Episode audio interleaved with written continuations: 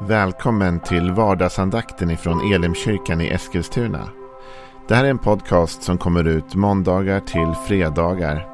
Om du vill veta mer om vilka vi är, vad vi tror på, hur du kan komma i kontakt med oss eller vad vi kan erbjuda dig för någonting så gå in på www.elimkyrkan.com. Får jättegärna gå in och likea vår Facebook-sida. Det är facebook.com elimeskilstuna. Eller så söker du upp oss på YouTube och då söker du på Elimkyrkan Eskilstuna. Vi vill jättegärna komma i kontakt med dig. Men nu lyssnar vi till dagens andakt. Välkommen till vardagsandakten. En ny vecka drar igång då det är måndag idag. Och innan vi går in i dagens andakt så vill jag tipsa dig om att i helgen så hade jag en release för min nya bok Tio liv. Hur Jesus möter och bemöter den som är sjuk. Om du vill ha en kopia av den boken så skriv ett mejl till joel elimkyrkan.com Skicka med din adress och om du vill ha den signerad så ska jag se till att du får ett ex. 179 kronor plus frakt får du ge men det är det värt för det är en väldigt bra bok. Så haka på det. Nu till en annan väldigt bra bok, Ordspråksboken. Vi håller på att gå igenom den kapitel för kapitel och vi kan inte ta vers för vers och mening för mening för det skulle ta alldeles, alldeles för lång tid. Men vi lyfter ur grundtankarna, någon, någon lärdom i varje kapitel. Och som jag har sagt, lite längre fram i Ordspråksboken så kommer det bli så här korta, kärn, kärnfulla eh, ordspråk såklart. Men vi är inte där än, utan de första kapitlen i boken är ganska långa sammanhängande texter om olika saker. Och det femte kapitlet är inte annorlunda. Det femte kapitlet handlar om egentligen sexuell omoral, står det. Varning för sexuell omoral.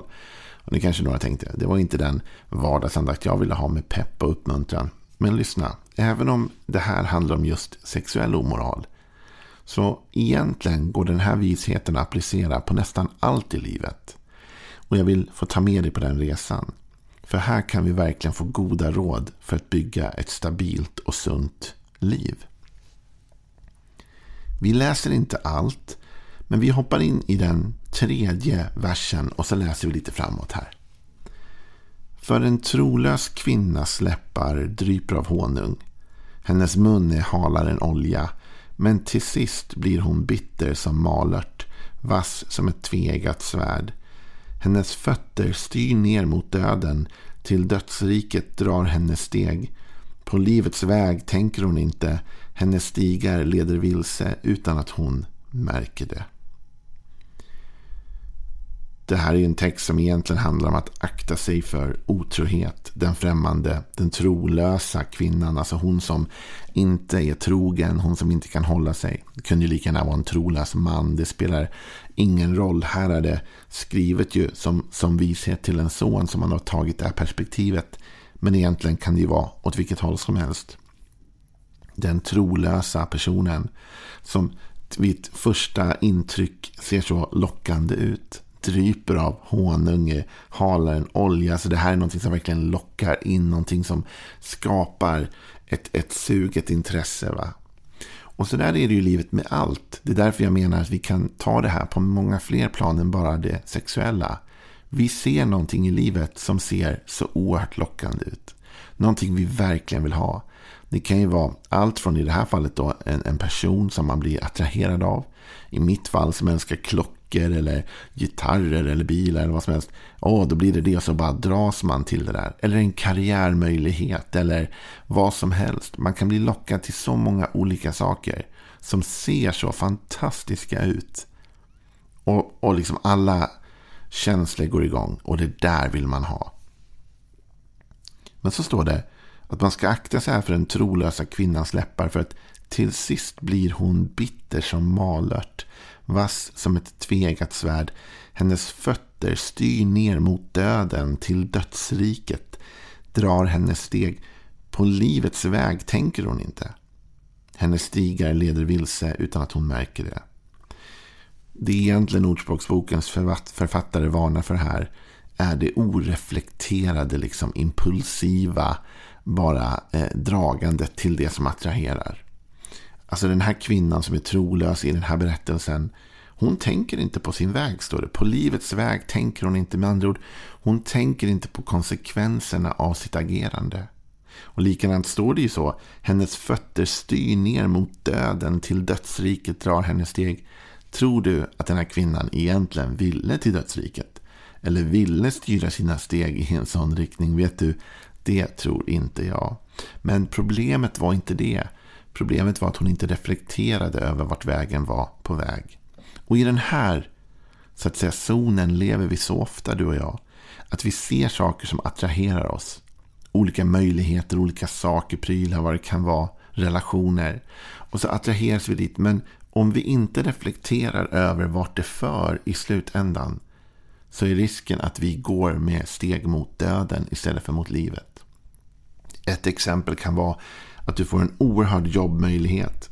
Och jag är inte emot karriär, tvärtom. Jag tycker vi ska kämpa hårt. Och folk som känner mig vet att jag alltid har ett driv och vill vidare och så. Inget fel med det.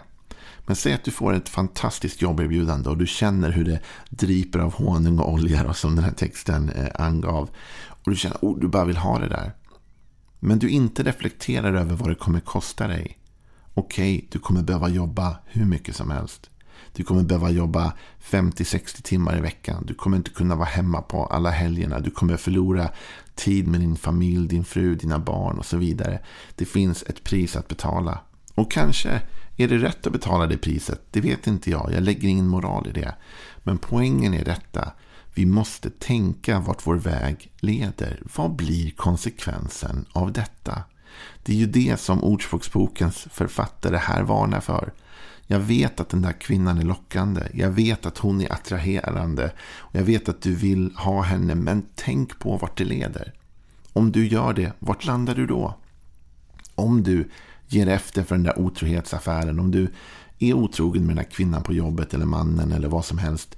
Vart leder det då? Till brustet äktenskap, till skilsmässa, till eh, brutna förtroenden, sorg, allt möjligt. Vem vet vart det leder?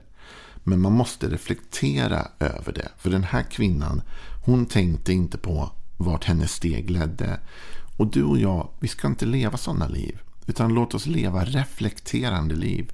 Liv där vi funderar kring, om jag tar det här steget Gud, vart leder det mig? Heligande hjälp mig se om jag väljer den här vägen, vart kommer jag då? För det är ju också så att en del av de saker som attraherar oss i livet kanske också är tänkta att föra oss i en riktning. Allt som attraherar är ju inte negativt eller dåligt.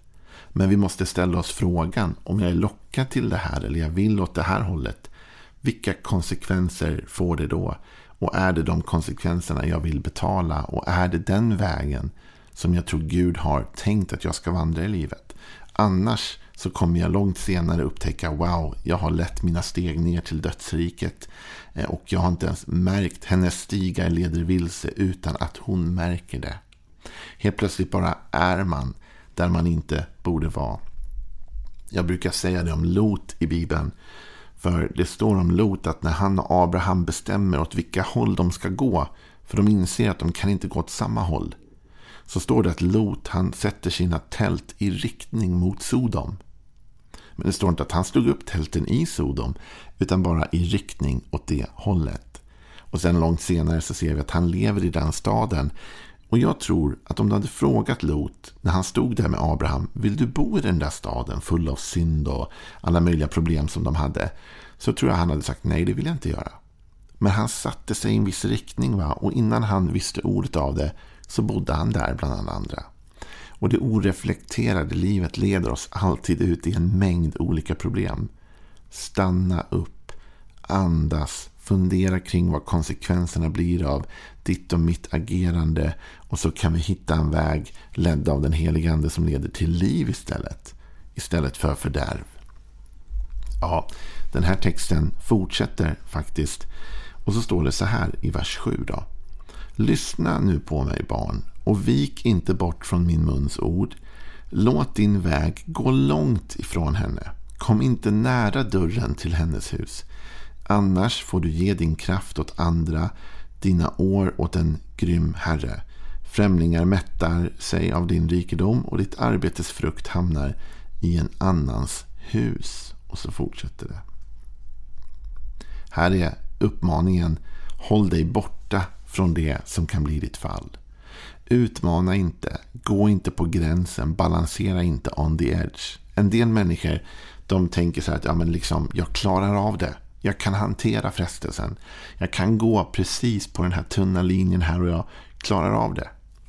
Ibland när jag är ute och går med mina barn, jag har ju tre barn och den yngsta är ju ganska ung ändå. Va? Så när vi är ute och går så är min då sexåring, han eh, är livlig ibland och så går han på trottoaren och då håller han sig precis du vet, i slutet av trottoarkanten ner mot vägen. Och så måste man säga, gå inte så nära kanten. Varför det liksom? För du kan snubbla. Du kan ramla från kanten ner ut på vägen. Håll dig ifrån. Nej, jag kan inte ramla. Du vet hur barn är. Jag kan inte göra illa mig. Nej, okej. Men håll dig därifrån i alla fall. Här säger Ordspråksbokens författare. Balansera inte på linjen.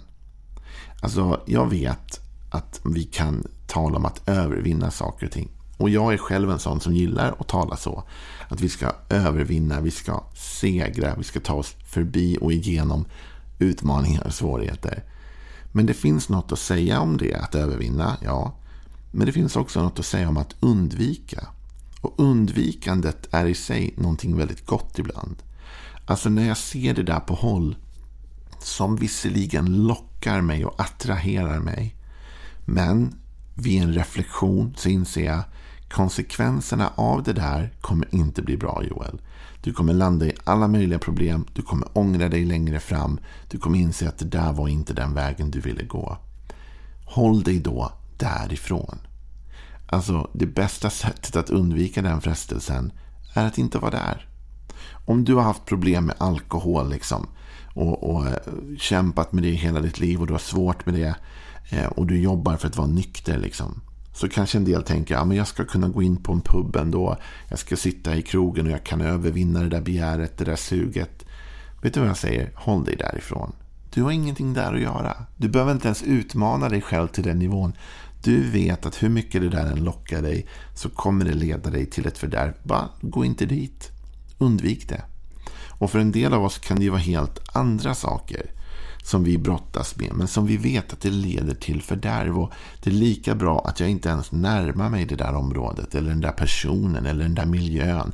Utan jag måste hålla gränser. Jag måste våga liksom avskilja mig själv ifrån detta som blir en onödig frestelse.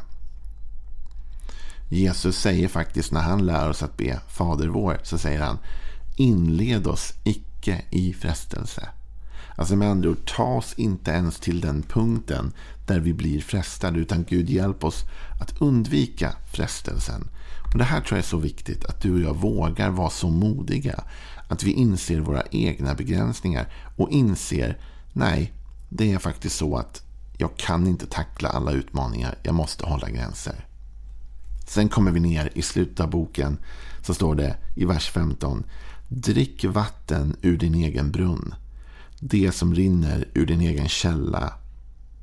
Och Det här är väldigt spännande tycker jag. Drick vatten ur din egen brunn. Med andra ord, du, vi blir så lätt attraherade av allt som alla andra har. Vi vill ha deras jobb, deras karriär, deras fru eller man i värsta fall. Vi vill ha deras lön, vi vill ha deras, allt vad det nu är. Och så bara dras vi dit. va. Oavsett utan och oreflekterat utan att tänka på vilka konsekvenserna blir. Men här säger författaren till Ordspråksboken Fokusera på dig själv istället. Drick ur den brunn som du själv har. Drick vattnet ur din egen brunn. Det Gud har gett dig, det Gud har placerat i ditt liv. Lär dig vara tacksam för det. Lär dig dricka ur den brunnen och var glad för det. Så att du inte frestas ut i andra frestelser. Jag tror att tacksamhet är en av de bästa motgiften mot frestelser. Ju mer tacksam jag lär mig vara för det jag har, ju mindre kommer jag försöka ha det någon annan har och ta det från dem. liksom. Utan lär dig vara tacksam och lär dig sätta ord på det. Lär dig verbalisera. Tack Gud för min familj. Tack Gud för mina barn. Tack Gud för det jobb jag har. Visst, jag kunde tjäna mer pengar, jag kunde ha något annat. Men Gud, tack ändå för det jag har nu. Tack för där jag är just nu. Och sen säger inte jag att inte Gud kommer föra dig till nya segrar. Att inte Gud kommer öppna nya karriärmöjligheter eller nya vägar. Han kommer det. Han kommer föra dig från härlighet till härlighet. Men var tacksam i nuet. Var tacksam för där du är just nu. Så Ordspråksboken kapitel 5 handlar visserligen om att undvika den främmande kvinnan och otroheten i det här fallet, eller mannen då. Men egentligen handlar det om så mycket mer. Det handlar om att inte oreflekterat gå igenom livet och bara dras till det som attraherar. Utan ha en reflektion kring vad kommer mina val få för kostnad? Och är jag beredd att betala den kostnaden? Vill jag verkligen det? Ha en välsignad dag. Imorgon fortsätter vi med mer tankar från Ordspråksboken. Men då, om du räknar rätt och är matte smart. så är vi på det sjätte kapitlet. Så vi ses imorgon. Hej då.